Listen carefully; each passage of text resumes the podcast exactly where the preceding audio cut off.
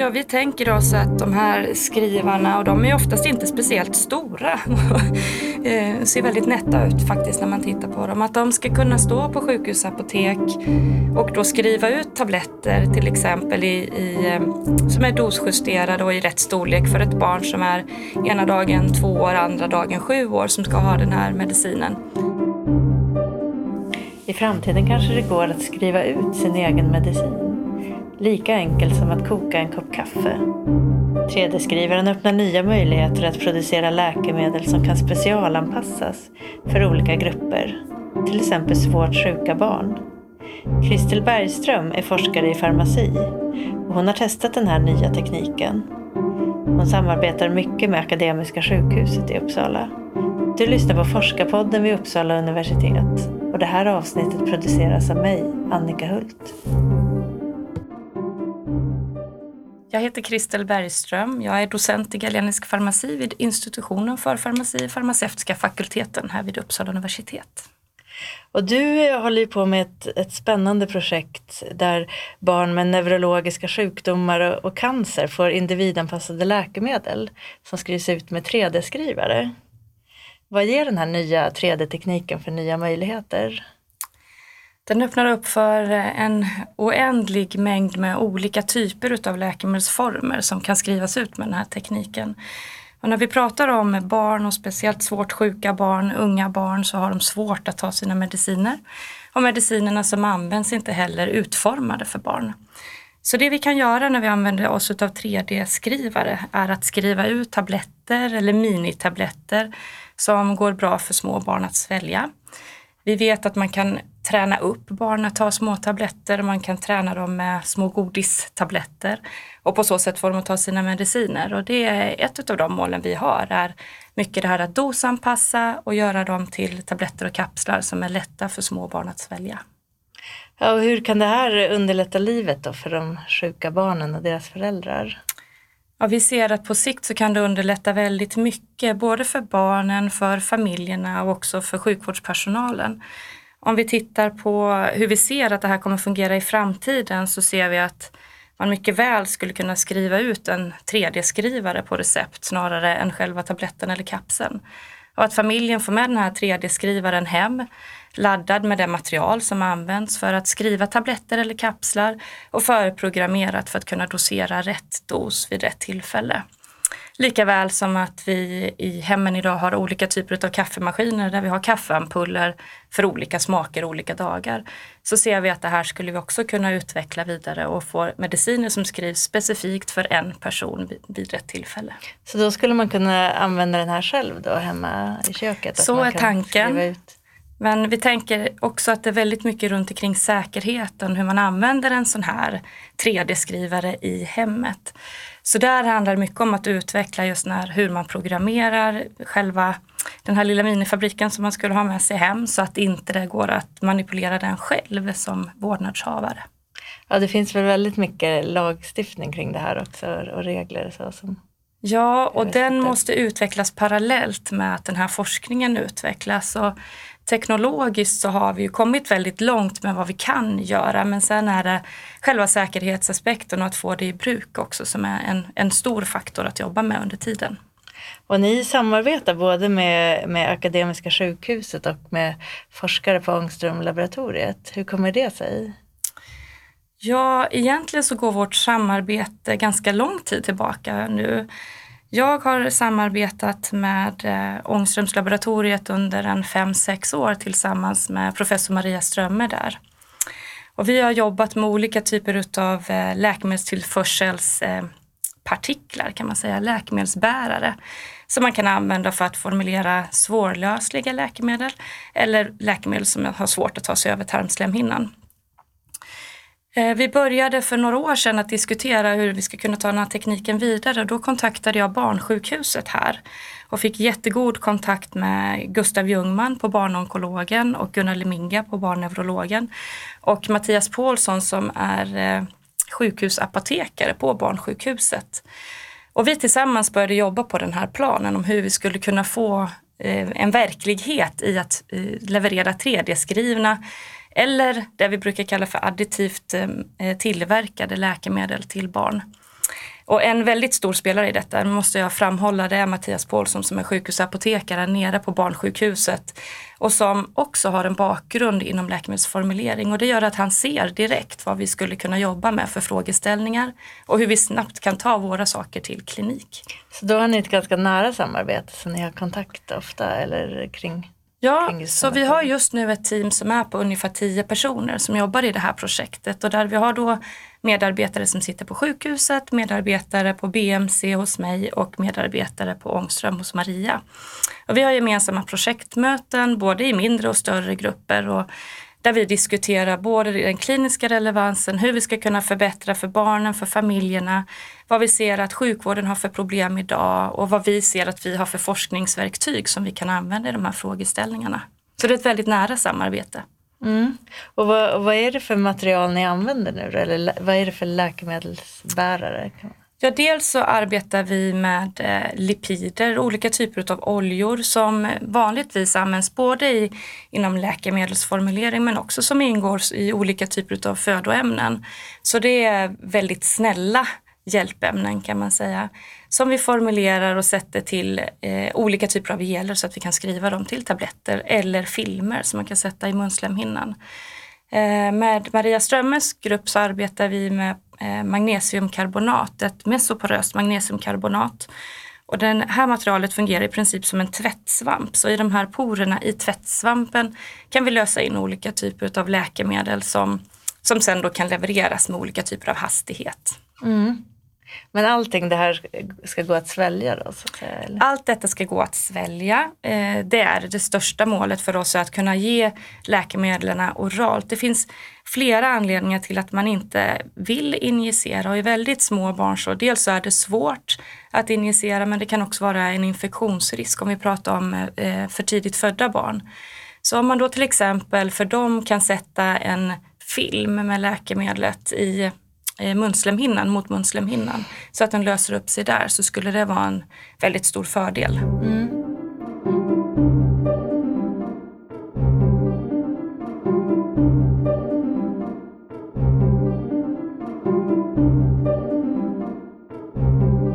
Din inriktning som forskare är ju just hur läkemedel tas upp i kroppen.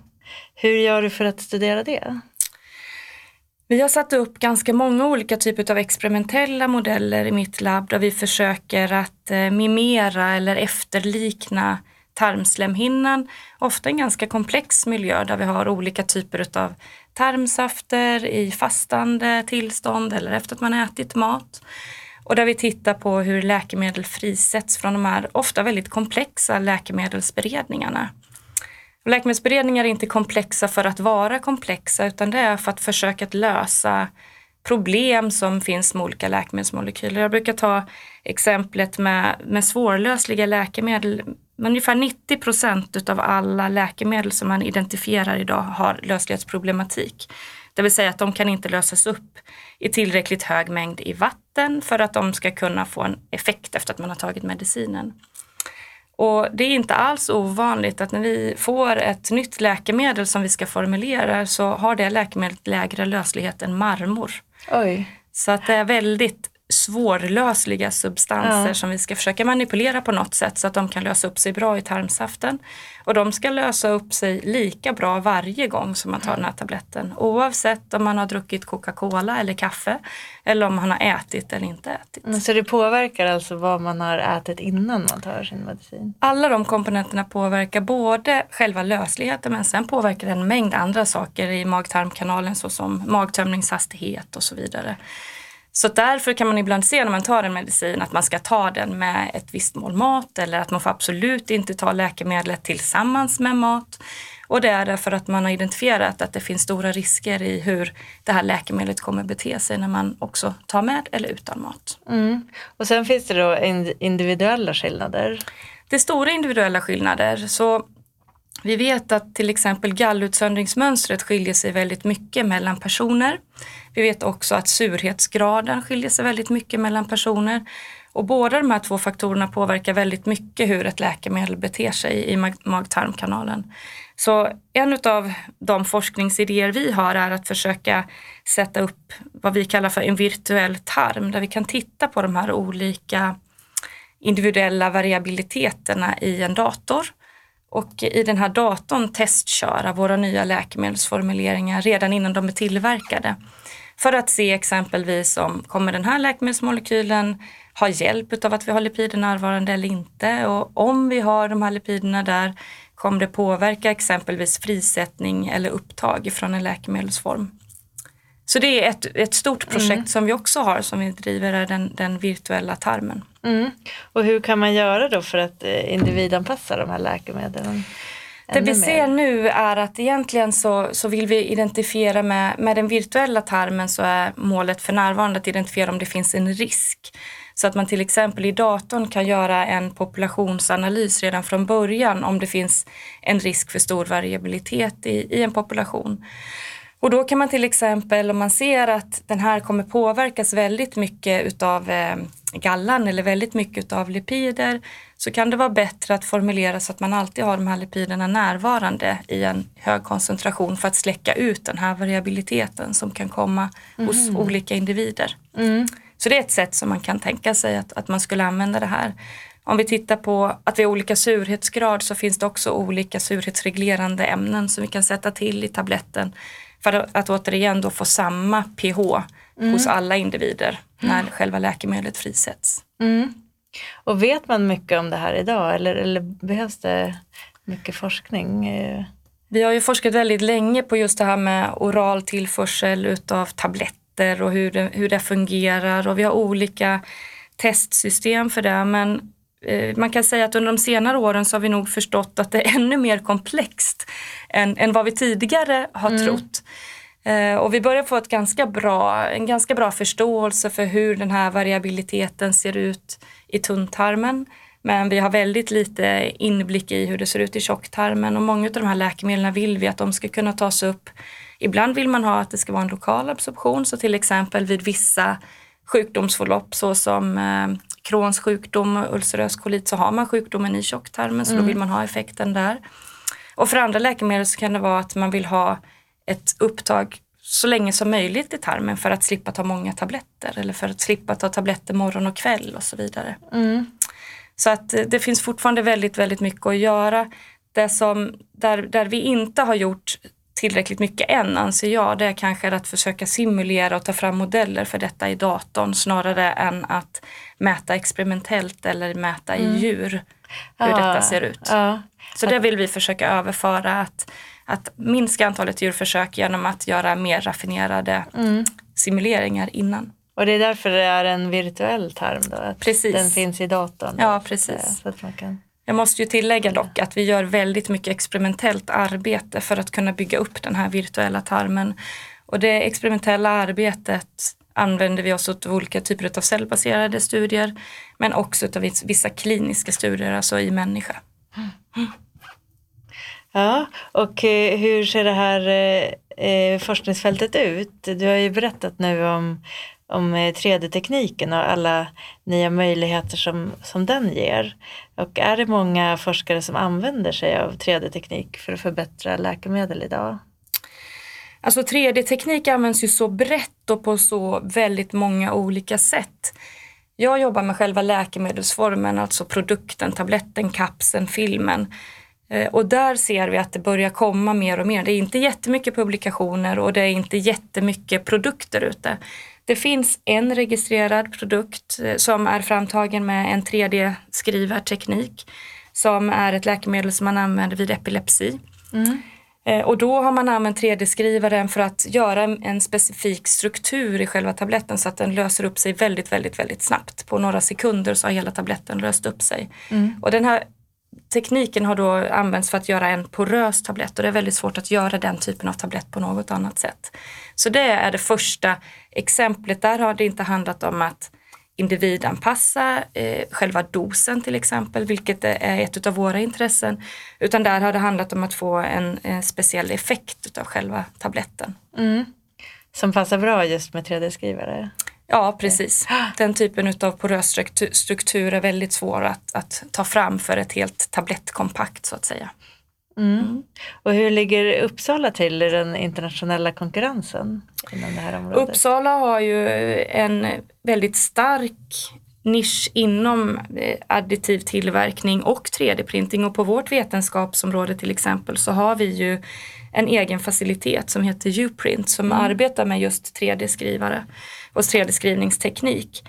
Vi har det jag ser som är, är, unikt och det är kanske inte unikt enkom för 3D-skrivare och 3D-skrivna produkter utan mer för Uppsala universitet. Det är det här otroligt nära sam, sampositionen utav, eller samlokalisationen utav Ångströmslaboratoriet, alltså tekniska naturvetenskapliga fakulteten, utav Medfarm på BMC, medicinfarmaci och sen sjukhuset. Ehm, vi har också Läkemedelsverket som ligger mitt i hela den här och mm. vi har vår innovationshubb som ligger mitt i det här centret. Och det är helt unikt om man pratar i en internationell kontext om, om vår setting, att vi har tio minuters promenad till respektive expertis. Mm. Ehm, och att vi, precis som vi jobbar i vårt projekt, och har väldigt lätt att träffas. Vi har, lätt att ses en morgon innan egentligen arbetsdagen börjar om, om det är det det krävs. Eller ta en lunch och diskutera ett ämne utan att det liksom på något sätt måste planeras under väldigt lång tid innan. Och det, det är unikt. Vi också har väldigt hög kompetens inom de här områdena som vi arbetar med. Så ehm, vi, vi har alla förutsättningar här för att ligga absolut i framkant mm. inom detta ämne.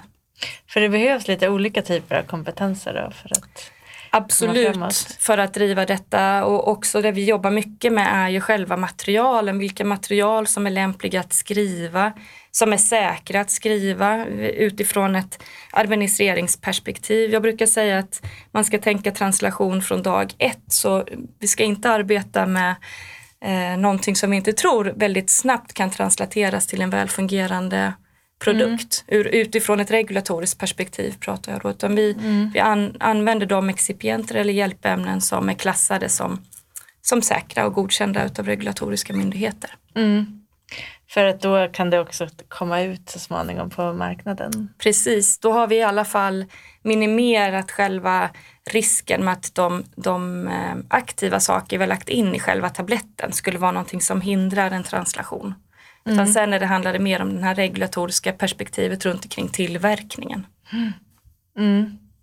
Och det tar ju väldigt lång, lång tid kan jag tänka mig innan något som ni forskar fram kan sen komma ut på marknaden. Ja, det är lite svårt att säga om hur lång tid det tar för det vi arbetar med nu är ju godkända läkemedelssubstanser så de har redan genomgått sin prövning och vi arbetar med godkända hjälpämnen så det handlar mer om den här äh, additiva tillverkningen eller det som vi ofta pratar om som extempore tillverkning när vi pratar sjukhusapotekstillverkning äh, och om hur 3D-skrivna produkter kom in i den kontexten.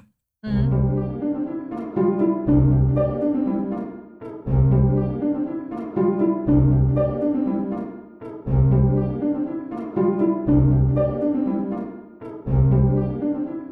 För i framtiden så kommer det här att kunna använda sig av den här 3D-tekniken som du sa, både hemma och även på sjukhusapoteken?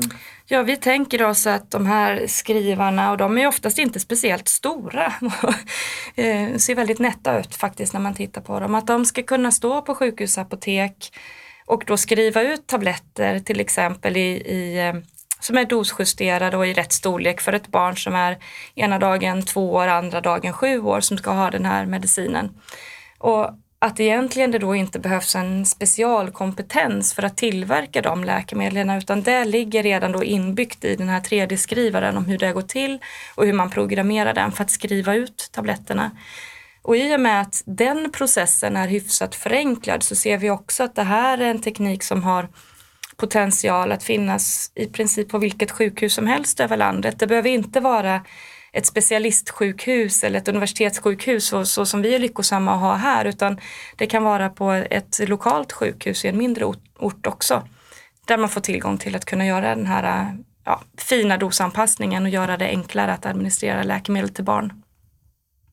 Mm. Vi ser också att om vi kan flytta in det här i hemmen, det är mycket eh, medicinering som sker utav vårdnadshavare och så vidare. Där det kan handla om att eh, dela tabletter, ta en femtedel utav en tablett. Det är inte så jätteenkelt att göra Nej. den dosanpassningen och ta det ansvaret själv alltid som vårdnadshavare. Utan här ser vi också då att att de här typen av tekniker skulle kunna spela en väldigt stor roll för att förenkla och avlasta i hemmet. Vi vet också att det finns eh, sjukdomstillfällen när man måste ge läkemedel eh, vid, obekväm, vid obekväma tider och så vidare och då att i alla fall ha den här hjälpen skulle, är, är säkert en, en, en bra mm. eh, aspekt också i det hela. Mm. Och eh, om tio år då, eh, hur långt tror du att forskningen har nått då? Eh, vad, tror du att, vad skulle du vilja hålla på med om tio år i forskning? Jag tycker att det här 3D-skrivarprojektet som vi arbetar med att verkligen translatera vår forskning rakt ut i klinik, det är ju verkligen så spännande och jätteroligt att arbeta med. Så där hoppas jag att vi fortsatt har en aktivitet inom det området. Där ser vi, nu har vi pratat jättemycket om, om svårt sjuka barn, eh, men det här har ju också en nisch för, för andra typer av sjukdomar och där man kanske måste göra en skalning utav medicineringen, eh, där man trapp, först trappar upp medicinering för att sen trappa ner och så vidare. Det kan också vara för äldre som har svårt att svälja eller eh, vissa typer av populationer som man behöver göra en dosanpassning för. Så att det är mycket vidare i sig än, än just barn. Men, men för barn så ser vi att det finns en direkt, eh, vi, har, vi har direkta problemfrågeställningar som, som är väldigt roliga att jobba med där vi ser att om vi löser dem så skulle vi göra stor skillnad. Så jag ser att liksom vårt 3D-skriva-projekt som vi har igång nu där vi har fått finansiering för, för tre år av familjen Erling Perssons stiftelse. Det hoppas jag att vi kan fortsätta att driva under väldigt lång tid framåt för det finns så många olika frågeställningar runt omkring här och så mycket som vi kan jobba med. Mm. Om jag tittar på min forskning i stort så ser jag ju att vi har jobbat mycket med att försöka sätta en plattform där vi kan analysera saker utifrån ändå ett ganska häls friskt perspektiv så att säga. När vi pratar om den virtuella tarmen så pratar vi om att vi jämför med hur en, tarm, en frisk tarm ser ut. Mm. Eh, men där skulle jag ju också i framtiden vilja titta mer in, in, på specifika populationsgrupper och sjukdomsgrupper och hur det eventuellt kan påverka frisättningen av läkemedel i tarm och hur vi ska kunna simulera det på ett bra sätt i datorn. Det kan vara sådana som har tarmsjukdomar då? Eller? Det kan vara de som har tarmsjukdomar och man kan också få andra effekter i, som man kanske inte alltid tänker på i tarmen när man har sjukdomar. Så har man till exempel cystisk fibros så får man också en effekt i tarmen så inte, det är inte mm. alltid att man tänker att sjukdomen i sig sitter i, i tarmen. Det kan också ha en effekt från andra sjukdomar. Hur kom det sig att du började forska om det här då? Det här med läkemedel och, och läkemedelsupptag och så? Ja, när jag läste till apotekare så på sjätte terminen så läste jag kursen i galenisk farmaci och den var en ögonöppnare på många sätt men framförallt för att den band ihop i princip alla de kurser vi hade läst innan. Man behöver kunna kemi, man behöver kunna fysiologi, man behöver kunna analytisk kemi, man behöver kunna fysikalisk kemi. Och det tyckte jag var väldigt roligt att liksom få ihop den här kombinationen i ett och samma ämne.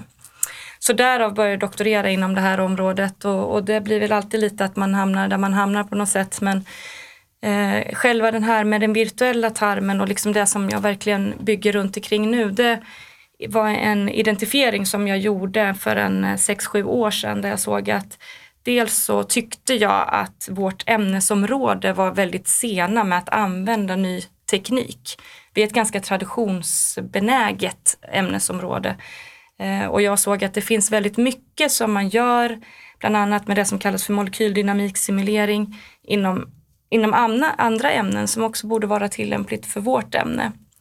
Så det var, det var ett utav spåren och det andra var den här interindividuella variabiliteten och frågor som jag hade runt omkring det där jag egentligen inte kunde hitta några svar i litteraturen så det drog igång hela det här mm. stora projektet. Mm. Så därav mitt svar att det är väldigt svårt att säga vad man är om tio år. Mm. För det utvecklas och man utvecklas med det ämnesområde man är. Mm. Och vad är din drivkraft som forskare?